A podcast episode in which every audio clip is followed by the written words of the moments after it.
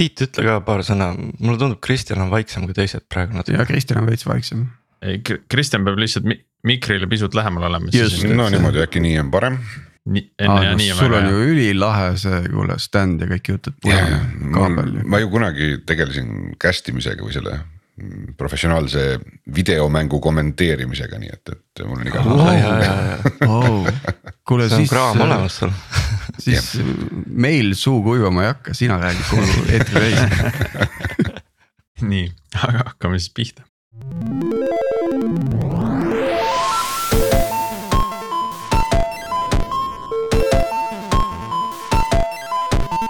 tere jälle Algorütmi kuulama, eetris on meie saja kuuekümne üheksas episood, mina olen Priit Liivak Nortalist ja koos minuga on taas Martin Kapp Pipedrive'ist ja Tiit Paananen Veriffist. tänases episoodis äh, räägime jälgitavusest ehk observability'st. Äh, Tiit, sa rääkisid siin enne meie salvestuse algust sellest, kuidas sa oma, oma esimeses töökohas äh, modemeid jälgisid, vaatasid tulede vilkumist.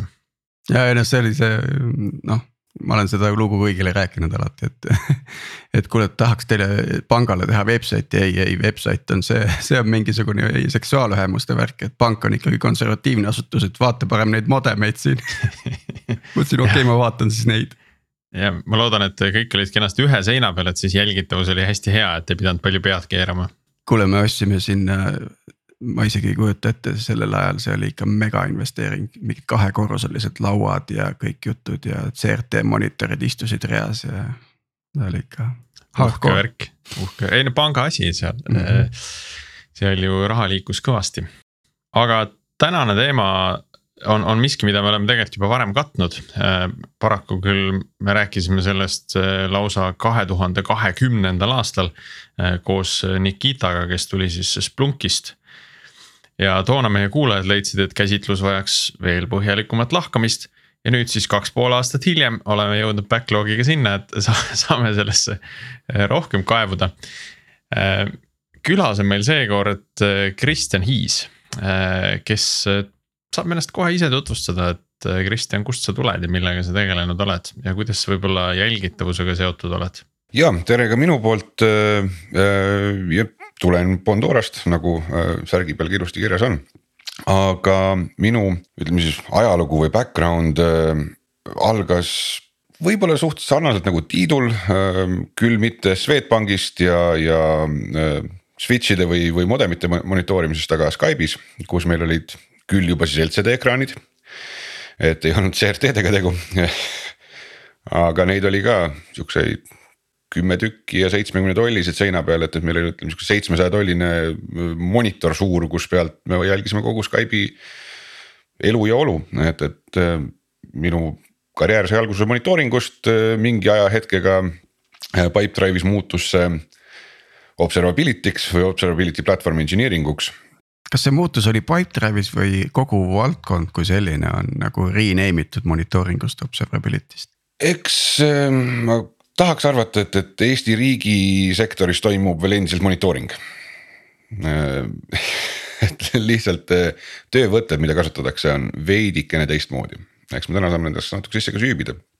aga kui meie eh, ühel heal hetkel Pipedrive'is muutusime monitooringu tiimist observability tiimiks, siis oli võrdlemisi sihukene mind switch nii-öelda, et, et kuidas me asja hakkame jälgima, kuidas kõik need süsteemid tuleb jälgida ja, ja siis äh, sealt edasi läkski lepase reega, võiks öelda.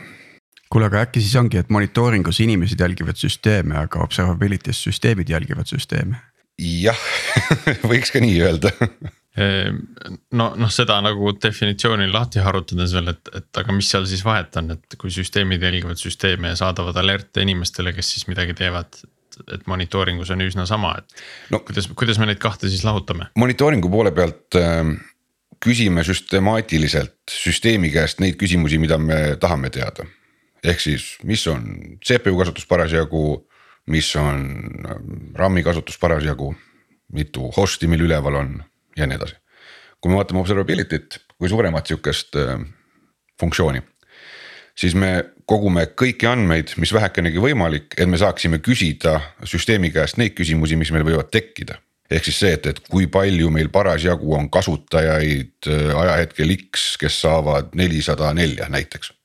ehk siis äh, me kogume lihtsalt rohkemat äh, hunnikut datat, kui seda hästi-hästi nüüd simplify da nii nüüd juba minu arust eelmises episoodis ma mainisin täiesti teadmata, et me hakkame observability'st rääkima, ma rääkisin seda Uberi observability lugu siis, kus neil on mingisugune pool miljonit probe'i kogu aeg saadab andmeid erinevatest geograafiatest, erinevatest äh, mikrosüsteemidest. et, et mis on see äh, skaala, mida sina näinud oled või kus, kus sina olnud oled, et noh. see, see Uberi level on täiesti nagu ulme ja võib-olla over engineered, aga kes teab, teste neil ei ole, nii et. Seda Uberi asja võib äkki nimetada siis selliseks instrumentation'iks või? et oled sisse ehitanud sellised nii-öelda äpp, teenustesse instrumentation layer'i, eks ju, mis siis. no nad, nad seovad selle ikkagi selle, selle äh, ütleme availability või kättesaadavuse jälgimisega ka, et, et nad jälgivad seda läbi nende meetrikate äh, ja samamoodi ka ärilisi andmeid nad koguvad sealt, ehk siis noh, sarnaselt nad Äh, annavad võimaluse ärile küsida sedalaadi küsimusi, et äh, ma ei tea, kui, kui palju on äh, mingisuguses demograafias sõite selles geograafias. noh, et, et, et nad saavad nagu selliseid ärilisi küsimusi küsida läbi, läbi samade meetrikate on ju. jah, noh ma arvan, et Uber on selle koha pealt üks parimaid näiteid ka, nad ehitavad oma observability stack'i kõrvale kui ma nüüd väga ei eksi, siis üks, üks äh, võrdlemisi kasutatav äh, time series database on tulnud just Uberi mm, tagatubadest. ja nad panustavad meeletus koguses enda, enda aega ja ressurssi sinna sisse, nagu enamus suuri tegijaid. kui lähme nüüd päris selle originaalküsimuse juurde, et, et mis oli minu suurim probe'ide arv nii-öelda, siis ma noh kahjuks ma ikkagist pean ütlema, see oli Microsoft, sellepärast et siis, kui ma liitusin, me olime saanud kätte miljoni, miljoni füüsilise serveri margi, ehk siis noh, kui seal iga serveri peal vähemalt üks probe'gi jooksmas on, noh, mida seal kindlasti oli rohkem. siis, siis meil on juba eksponentsiaalselt kasvav äh, probe'ide arv. Suuruse mõttes võib-olla teine oleks endiselt Pipedrive, kus puhtalt juba meetrikate arv, ma nüüd peast enam ei mäleta, mis see minu ajal oli, aga see oli ka väga-väga hoomamatu, et, et palju uusi väärtuseid sekundis tuleb süsteemidesse sisse. suures pildis ma oleks võinud nimetada ennast big data tiimiks vaikselt juba ümber, et, et äh, see, see, see arv ei olnud mitte väike jah mul on täna jälle selline tunne tänase episoodiga, et me saame kohe nagu selle hästi põneva teema juurde minna, et hakata nagu tehnoloogiast rääkima ja siis viis minutit enne lõppu tuleb tegelikult. tuleb, tuleb veel see magusam pala magus pala ähm, et, et võib-olla astuks nagu sammu tagasi ja nagu vaataks seda noh, et enne, enne kui me vaatame äh, mingeid äh, nii-öelda reaalseid näiteid, võib-olla proovime selliste fiktiivsete näidetega nagu alustada. et, et kui nüüd täna on ettevõte, äh, kes tahab enda, enda asjade peale sellist observability stack'i ehitada. et mis see, mis täna võiks olla see parim nii-öelda algustase, et kas see on Prometheus pluss Grafana või on see midagi muud. et, et millega võiks nagu selle esimese sammu teha, et mis see kõige esimene level võiks olla?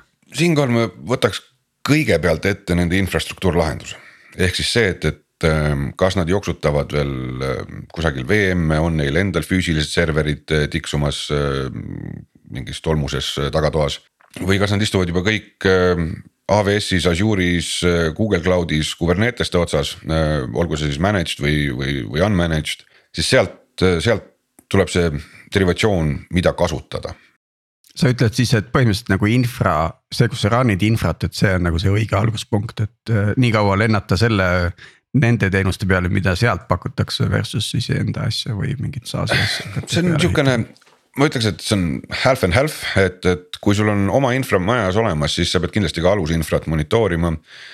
ja olenevalt ka muidugi su tech stack'ist, et, et alati on võimalus kasutada veel endiselt Nagiost enamus monitooringu inimesed tahavad mind kohe nagu lintšima minna, aga aga las ta nüüd natukene olla, noh samuti meie. kuule ei, sa võid ju SNMP-ga hakata seal midagi. no muidugi võib ega keegi ei keela aga ütleme noh, mina olen näinud vähemalt sihukest hübriid setup'i vanakooli monitooringu tarkvaradest. noh, kui me võime Sabixit nimetada vanakooli tarkvaraks. ja, ja Võimeline. siis äh, uuemaid tehnoloogiaid juurde pookides ütleme Prometheus Graphanat. siis tänaseks on ka Sabixisse sisse ehitatud juba Prometheuse proobid, et sa saad Prometheuse datat äh, tõmmata Sabixisse sisse, selle pealt alertida. visualisats-, visualisatsiooni mõttes ma, ma ei, ma ei, ma ei näe siiamaani veel turul konkurentsi Graphanale.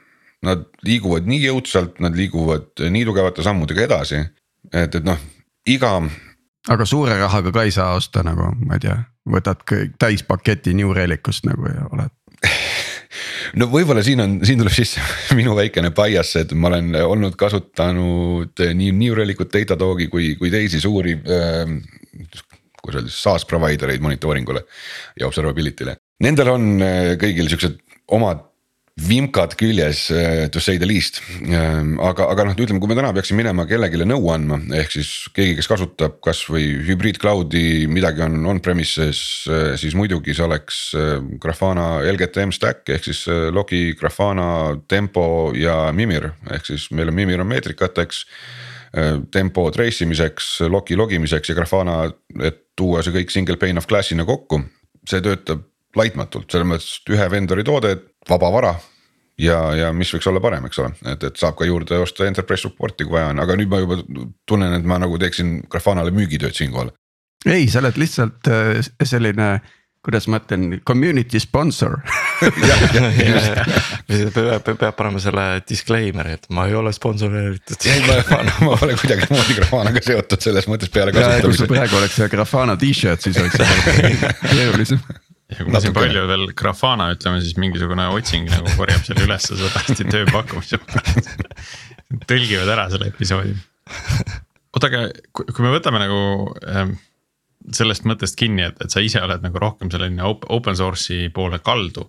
et mis sa arvad, kust see tuleb, et, et kui noh, kui sa oledki nüüd New Relicut ja Datadogi proovinud, et mis need vimkad siis on, mida sa mainisid, mis kõigil olemas on justkui? põhiliselt äh, hinnastamine, hinnastamine juba selles osas, et äh, sa ei saa kontrollida seda hinda. On-premises stack'iga on üldjuhul hind noh, suures pildis ikkes kontrolli all, AWS ei tee üleöö viiskümmend protsenti kallimat pakkumist või, või asi, mis on kunagi olnud lepingu peal sada tuhat, ei muutu kaheks koma millekski miljoniks üleöö. Et, et noh, need on väga-väga elulised ja väga tõsielulised numbrid, mida, mida ma olen pidanud kogema läbi, läbi erinevate SaaS pakkujate. kus, kus tehaksegi esialgu väga sihuke lilleline pakkumine ja seejärg, järel tahaks võtta natukene valitooli, et, et kui tuleb see järgmine, järgmine pakkumiste round. et, et puhtalt, kui sul on on-premises asjad vaba vara peal või, või siis isegi ütleme enterprise pakkumine, mis on on-premises, sa saad ikkagist oma datat kontrollida äh, lihtsamini. Ja, ja vaadata, et äh, asjad ei läheks üle käte. sest on-premises stack'iga sa ei maksa gigabyte ingested'i eest äh,. sa maksad tõenäoliselt CPU core'ide eest ja see on võrdlemisi optimeeritav eks see, see on ka nagu suur põhjus, mispärast ma olen kaldu sinna open source maailma poole või vähemalt on-premises maailma poole aga kui me räägime nagu vabavarast, vaata, et, et noh, et okei okay,, tarkvara on vaba. aga see, eks ole, kus sa seda kõik paned, eks ole, sa need andmed ja. ja millega sa töötled seda, see ikkagi noh, lõpuks nagu tõlgendub rahaks, eks ole mm. -hmm. kui palju üldse, et noh, et mingi samaväärne, palju sul nagu seda ressurssi vaja on, et ühte korralikku sihuke observability stack'i üleval hoida üldse? No ütleme, kodust observability stack'i ma hoian üleval Raspberry Pi peal, mis on samamoodi äh, Prometheus Grafana ja, ja rohkemat nagu väga ma ei näe vajadust.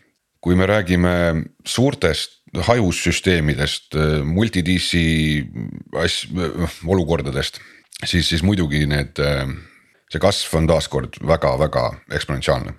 eriti kui sa tahad hakata kaasa ship ima logisid lisaks meetrikatele või trace'e, mis on ka väga-väga, väga heavy, eks ole, no see muidugi kõik tõlgendub ka selleks, et, et kui palju on sul kliente.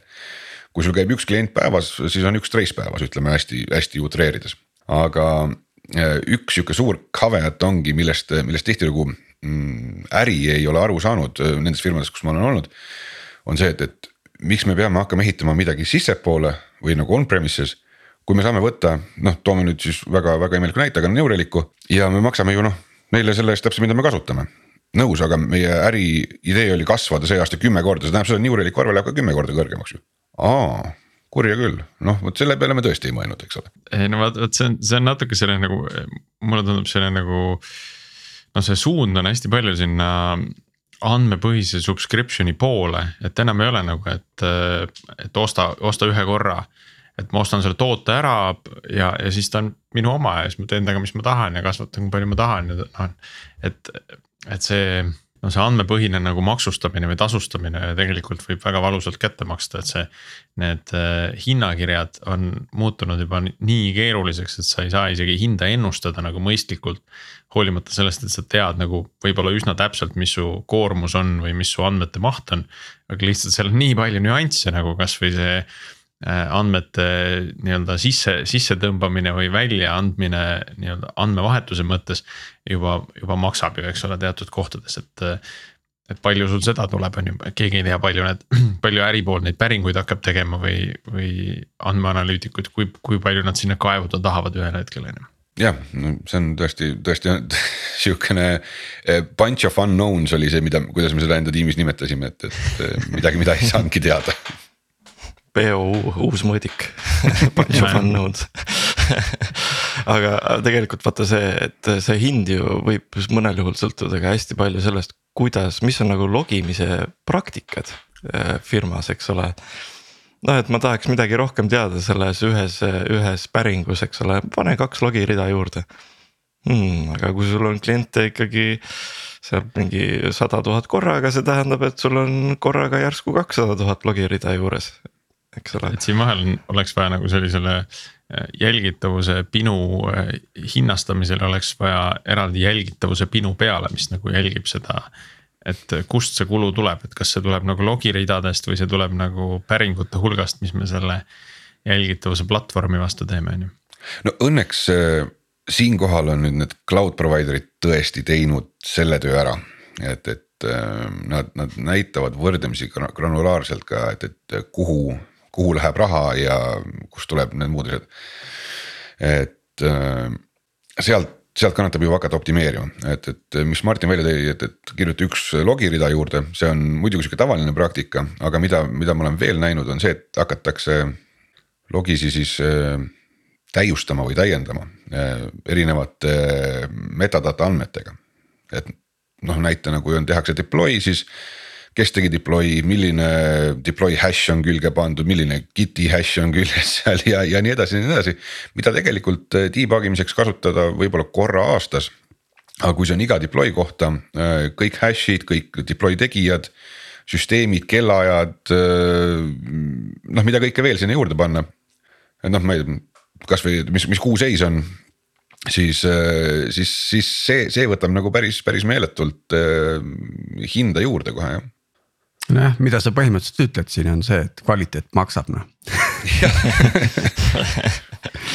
ma tahtsin veel seda küsida, et kui me siin rääkisime nendest SaaS-i teenustest juba äh, põgusalt, et. Äh, kas äh, need suured infra provider'id nagu ostavad kokku ka neid nagu väikseid erinevaid observability startup'e asju, et see on trend?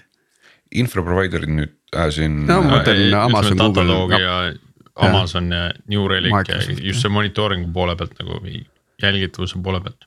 No monitooringu poole pealt kin- või noh, jah äh, observability poole pealt siis äh, kindlasti olen ma näinud ka seda, et neid äh, toredaid ja vabavaralisi tükke, mida, mida kom-, kommuun on hakanud tootma, ostetakse kokku. just, just, et edendada oma siis enterprise pakkumist, sest ma mäletan toona ma olin veel Pipedrive'is ja äh, me leidsime mingi sihukese väga-väga laheda asja, mis suhtles Kubernetesel eBPF tasemel äh, nimega Pixi. Pixi oli suur hõissa ja hurraa meie jaoks, et arendajad ei pea instrumenteerima mitte midagi, see kõik kuulab Kubernetese sees väga-väga madalal tasemel pakette põhimõtteliselt, okei ma ei taha öelda pealt, sest kõik äh, turvainimesed ilmselt tahavad siis kohe enda, enda kõrvalt kikki lüüa. aga põhimõtteliselt, et kuulab äh, pealt kogu liiklust, äh, saab aru, kuhu, kuhu paketid lähevad. ja et hakkame juurutama. ja siis mõni hetk hiljem, ma nüüd täpselt peast ei mäleta, kas see oli Datadog või oli see New Relic, kes selle ära ostis.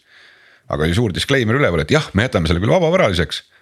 aga nüüd see kuulub noh, ütleme siis näiteks New Relicule noh, mis juhtus, oli see, et, et äh, ma mingi hetk nägin, et Data või New Relic pani selle oma siis feature, feature set'i sisse. aga ma ei näinud, et vabavaralisele enam väga palju update'e tuleks. et noh mm -hmm. tehakse sihukest jah, et nõus, me oleme, toetame vabavara, armastame vabavara, aga läheb nagu läheb. jah, et läheb nagu lukku natukene ära mm, -hmm. et, et edasiarendust ei toimu teine pool või üks pool veel, mis ma sellest, selle SaaS-i osaga katta tahaks, et, et. Et kas sa oled seda ka kohanud, et vahel äri jaoks tundub, et see SaaS on just selline pista ja unusta lahendus, et.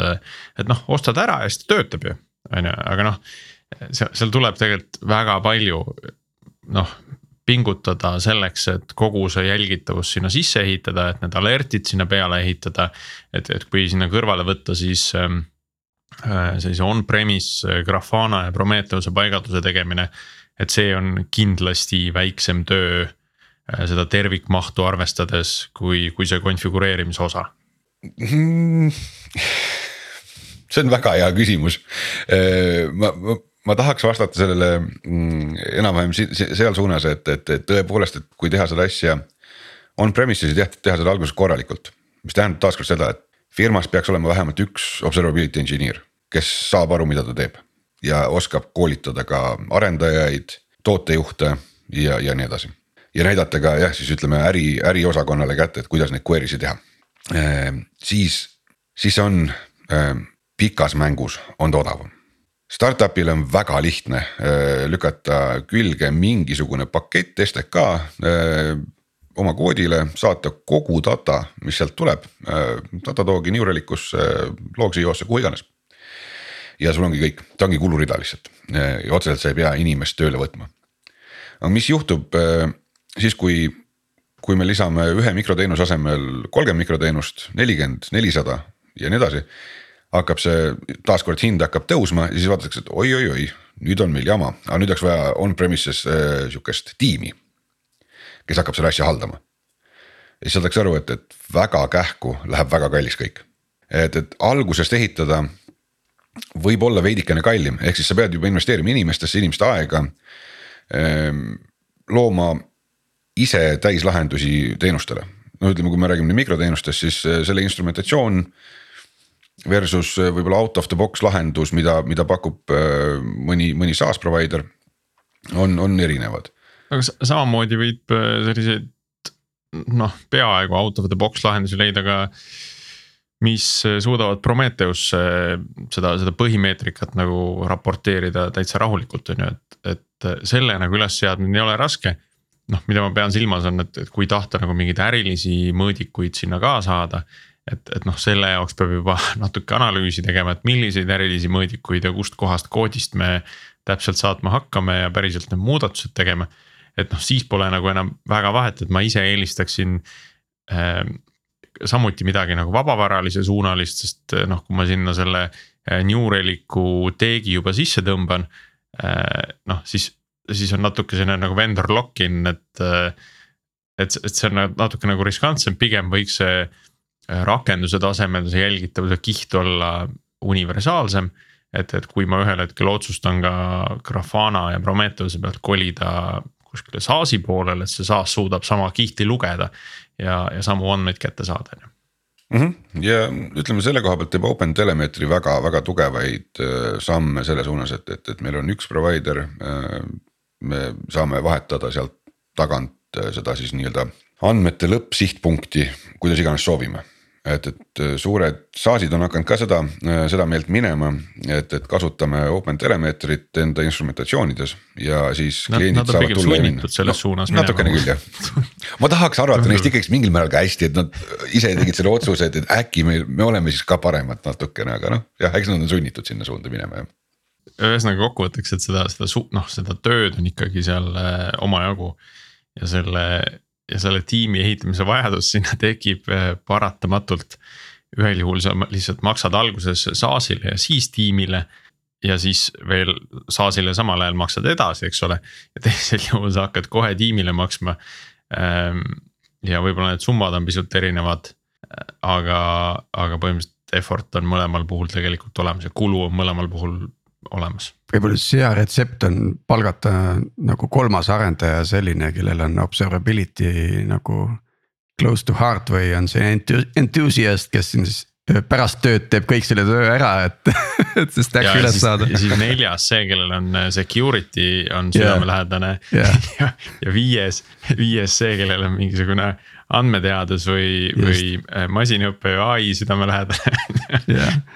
Ja kusjuures vaadates meie saateid ja teemasid, siis on küll selline mõte, et ikkagi. tead, et alguses ära tee midagi ise, võta sisse, aga kohe mõtle selle peale, et kohe varsti hakkame ise tegema. no kui. ambitsiooni on, siis võiks mõelda jah. ja ei ole nagu mu kuldmune munevaid parte, eks ju, kes kõik kinni maksavad. a la AK investoreid jah, kuldmune maks-, kuldmune munevad hanid ja jah, jah, Haned õige.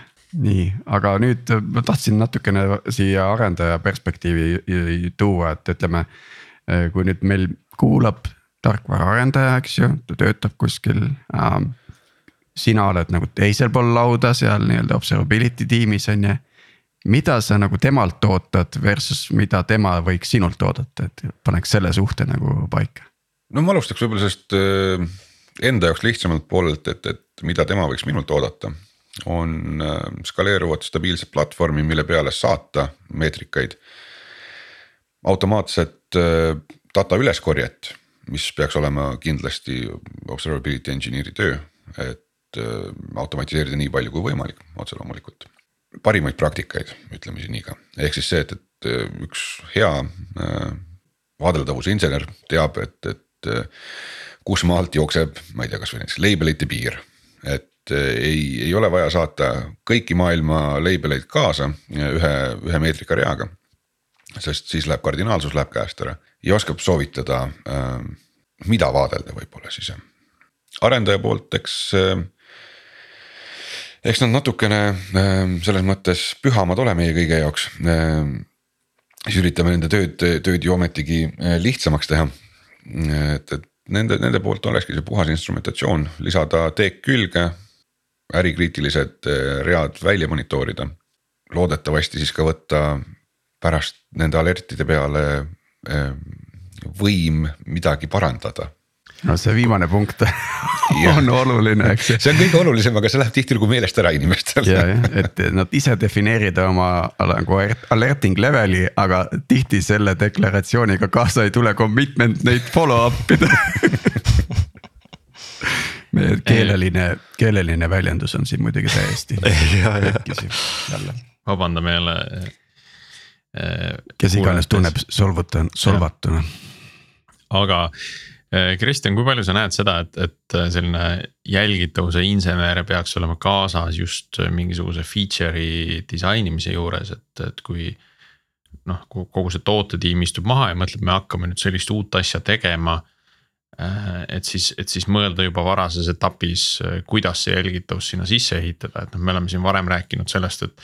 et, turvalisusest peaks nii mõtlema, kasutatavust, kasutatavusest peaks nii mõtlema, eks ole noh, siin, siin võib nagu palju aspekte välja tuua, et, et millest peaks. testimisest nagu, võiks nii. jah, testimisest just, et, et millest peaks nagu kuidagi noh, selle.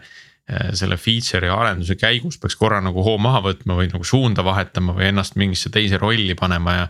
mõtlema, et aga nüüd noh, kuidas me selle nurga alt seda asja vaatame, et mis, mis siis saab. see nüüd oleneb ka suures pildis arendusmeetoditest, eks ole, ehk siis kui, kui sa kasutad waterfall'i, siis mul pole õrna aimugi, mida sa tegema peaks. aga, aga siis pole vahet, mida sa teed, ebaõnnestud nagunii. ma arvan, kellelgi pole aga me lasime mingi hetk kaks enda observability engineer'i lasime missioonile Pipedrive'is kuna mis. ma juba kartsin, et lasite lahti. ai ja miks me seda tegime, oli see, et, et me nägime missioon vältab kusagil neli nädalat. ja kusagil viimane nädal on see, kus tegeletakse observability'ga missiooni sees. mis tähendab seda, et, et kahe-kolme arendaja aeg on täiesti kinni nädal aega. ei olnud nagu kõige mõistlikum ajakasutus. saatsime enda tiimist äh, härrad kohale, kes äh, leppisid arendustiimiga väga kähku kokku, et okei okay,. Teie kirjutage siia kommentaar, et siin võiks olla meetrika ja siis meie kutikesed tagantjärgi tegid meetrikad valmis sinna. ja see andis äh, siis tootetiimile, andis nädal aega veel rohkem aega, et äh, teha toode paremaks mm. -hmm. et te panite põhimõtteliselt selle kommunikatsiooni tööle kahe tiimi vahele mm. -hmm. leidsite selle kommunikatsiooni koha, see annab väga hea võimaluse ka sellise ülevaatuse tegemiseks ju, et, et see jälgitavuse tiim vaatab, et ah, tegelikult siia polegi vaja seda meetrikat, et see teine meetrika katab juba selle ära. ja ja sealt me läksime muidugi lahe. sammu võrra kaugemale juba ka, et, et ma arvan, et see on tänaseni äh, Pipedrive'is kasutusel äh,. Võeti vist kasutusele eraldi Node.js-i framework, mille me siis äh, missiooni käigus ära instrumenteerisime, kõik need liidestused, see on sihuke pluggable framework. mul ei ole tõesti eestikeelseid paremaid väljendeid nende jaoks, nii et ma saan aru, et. pistikraamistik. pistikraamistik, okei okay,, okei okay. väga hea, siis uh, instrumenteerisime pistikud sinna raamistiku sisse ja, ja see andis siis võimaluse taaskord seda teha, et, et arendajad kirjutavad oma tootekoodi. Kui neil on väga vaja nüüd instrumenteerida mingisugune äriloogika või äri, ärimeetrika. siis nad saavad seda teha, aga ülejäänud kõiksugused päringud, mis lähevad mikroteenusest välja, on juba automaatselt instrumenteeritud.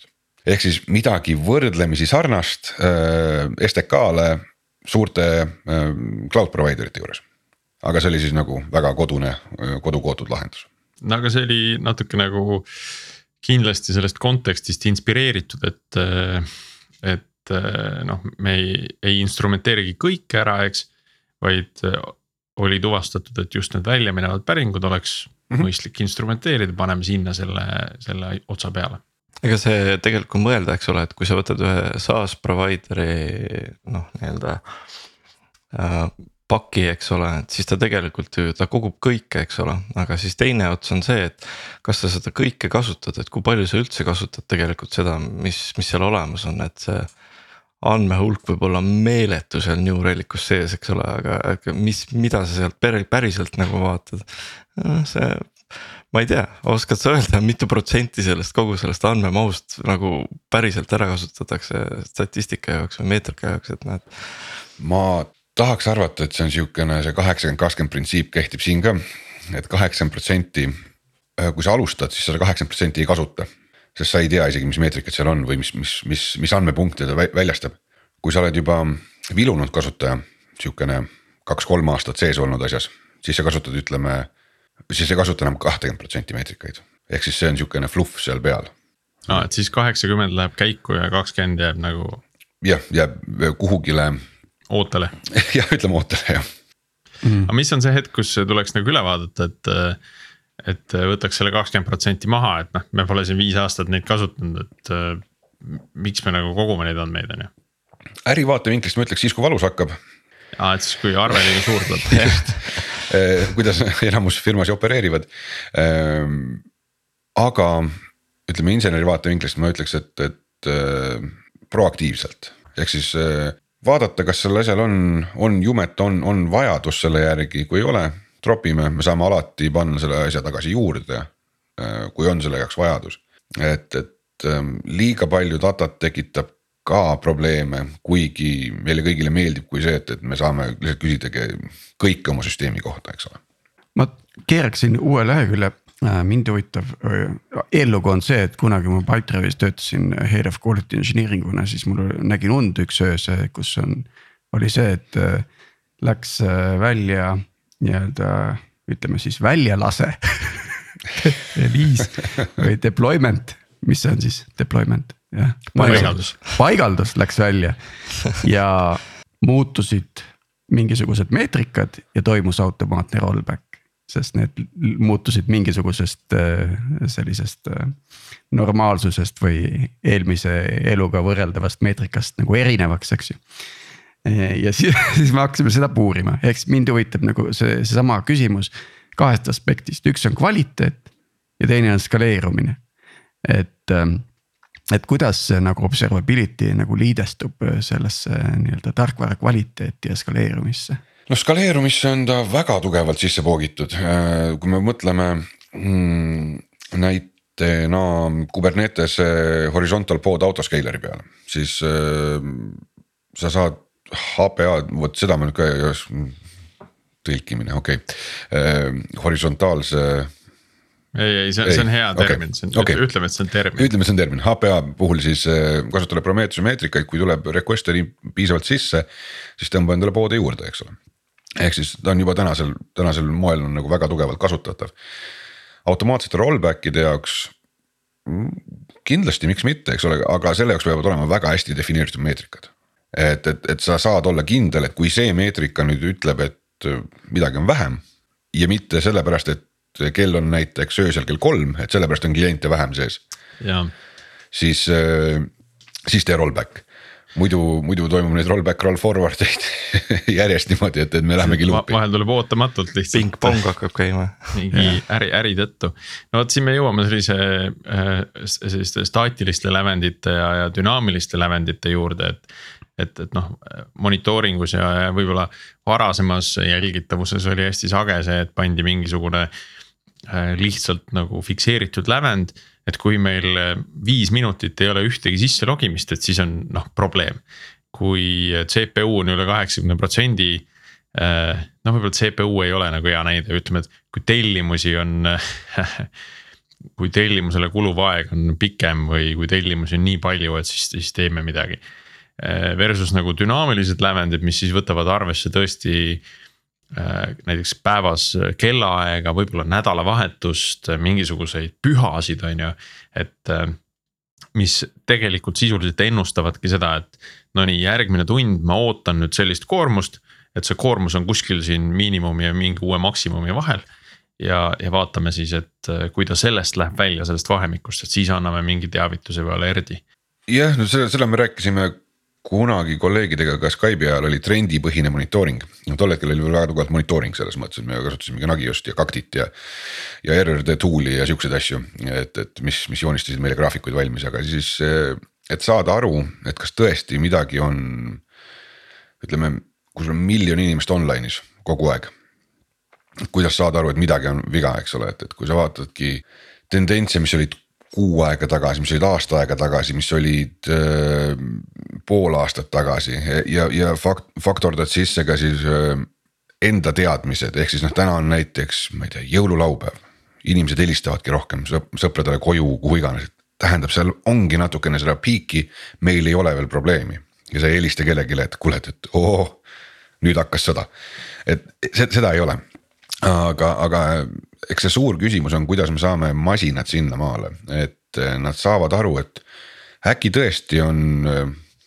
Eestis jaanipäeva puhul ei, ei toimu väga palju interaktsioone meie, meie veebilehel või meie süsteemides sees.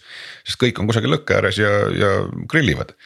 ja et see ei tähenda veel, et maas on, on ju. just ja see oleneb veel lisaks ole... kõigele oleneb veel ärisuunast, mis on kõige lahedam, sest kui me mõtleme äritarkvara, noh, ma ei tea, CRM-e, siis jõulude ajal on. jah, üheksast viieni ja jõulude ajal on ka müük olid puhkusel.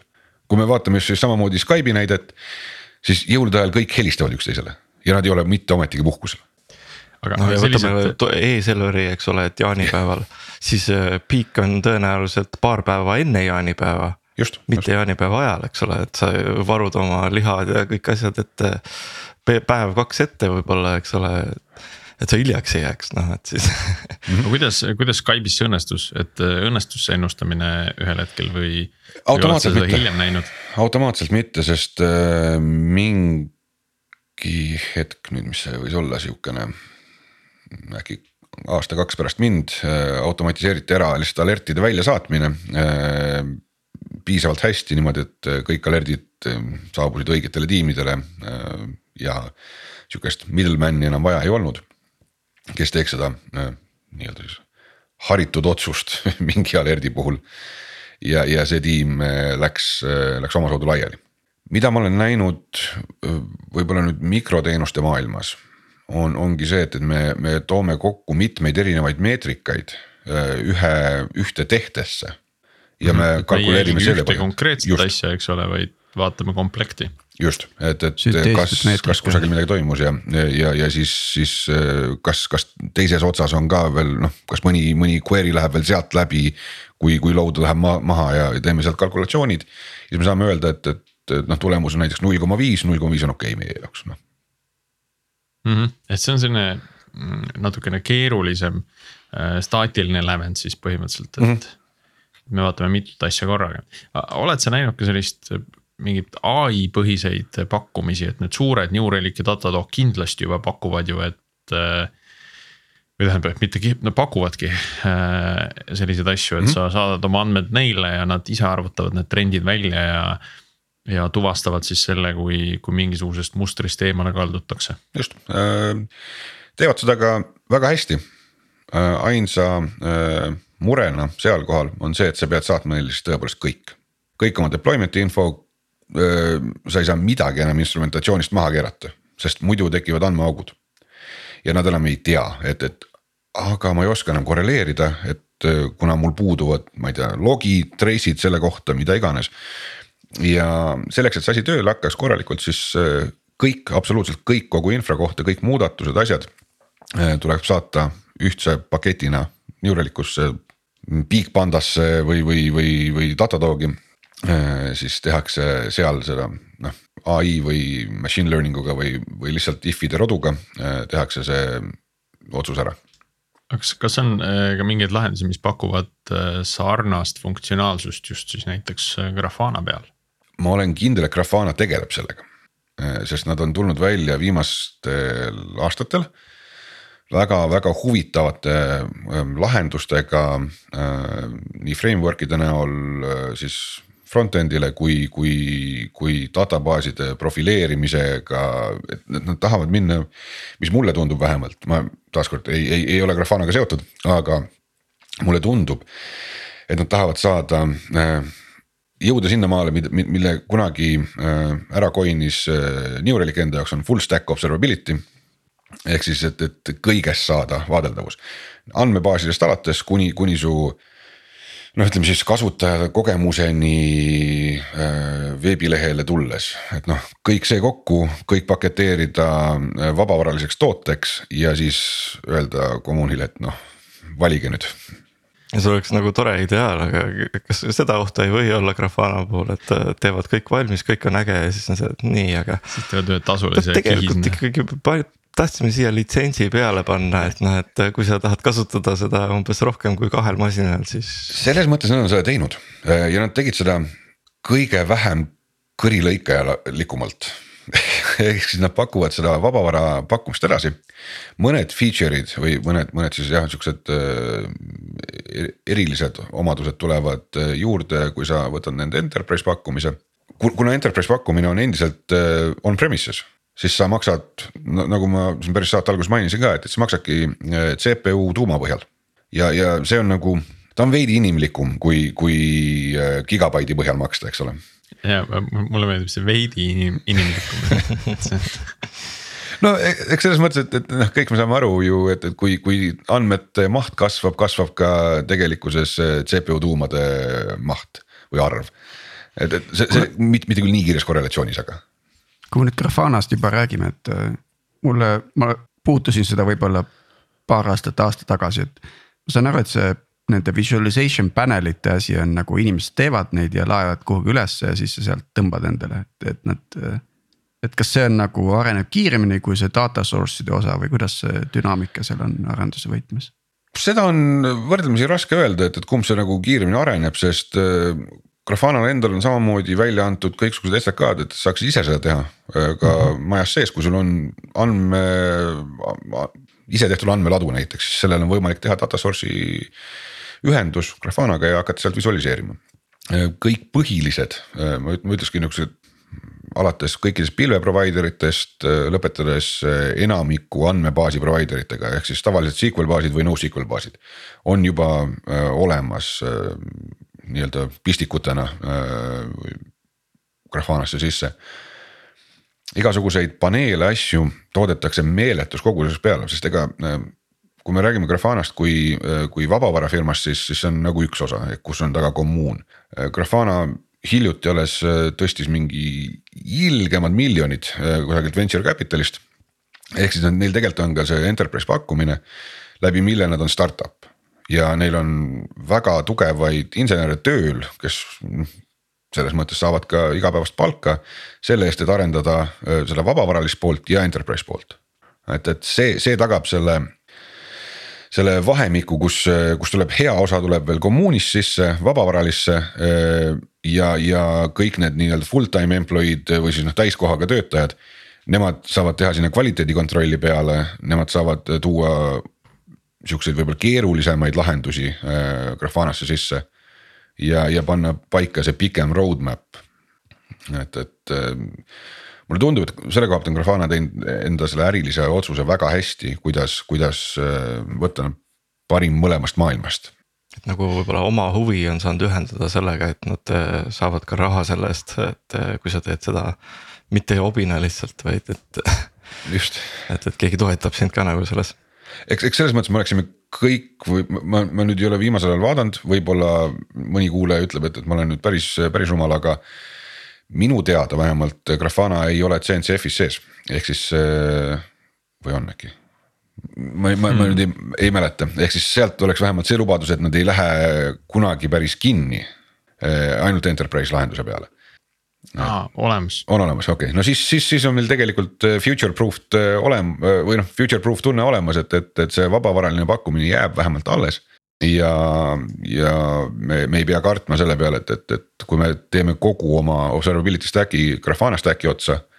või siis observability, observability pinu Grafana pinu otsa, siis äh, siis mingil ajahetkel X tulevad suured bossid Grafanast, ütlevad, et nüüd hakake maksma nii, aga mulle tundub, et äh, selle hea uudisega me saamegi tänasele episoodile ka joone alla tõmmata, et äh, Kristjan, kas siia lõppu veel äh, jäi sulle hingele midagi, millest sa arvasid täna rääkivat, aga, aga me ei küsinud selle kohta või, või sai kõik kaetud? ma arvan, et suures pildis me saime kõik kaetud, mida ma lihtsalt kõikidele Eesti arendajatele sooviksin, on see, et, et uurige sihukest asja nagu observability driven development. see on, see on üks väga väga-väga huvitav ja pikk teema. seda lähen kohe otsima. Neid, neid. kõlab nagu saate teema isegi jah, neid eh, driven development'e on muidugi hästi palju, vaata, et, et kõigepealt tuli meil ops ja siis tuli DevOps ja siis tuli DevSecOps ja et varsti, varsti me jõuame nende. Eh, no test oli kõige enne ikka DevSecOps. ei, ei ja, ja et, et, et nagu test driven development, et noh, et nüüd tuleb sinna ka tähti juurde panna samamoodi mm nagu sinna. Eh, DevOps'i pandi DevSecOps nüüd vahele ja siis võib-olla pannakse varsti veel midagi vahele. et, et siis sinna test driven development'i juurde tekib ka võib-olla test and observability and security driven development mm. akronüümid see... meile meeldivad mida pikemaks nad lähevad, seda paremad on olgu, aga aitäh sulle, Kristjan eh, osalemast, eh, saime väga huvitava episoodi ja aitäh ka meie kuulajatele. ja endiselt on teretulnud igasugused saate teemade soovitused ja mõtted, millest rääkida.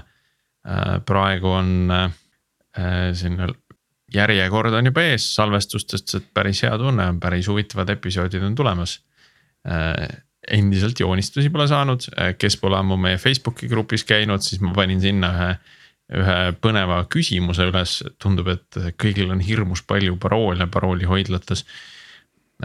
tehke seal koristamist, soovitan, väga, väga põnev protsess oli minu jaoks. ja kes seda küsitlust veel näinud ei ole, et minge vastake ja kommenteerige, et mida te paroolihalduritest arvate. ja siis jääme kuulmiseni taas järgmisel nädalal.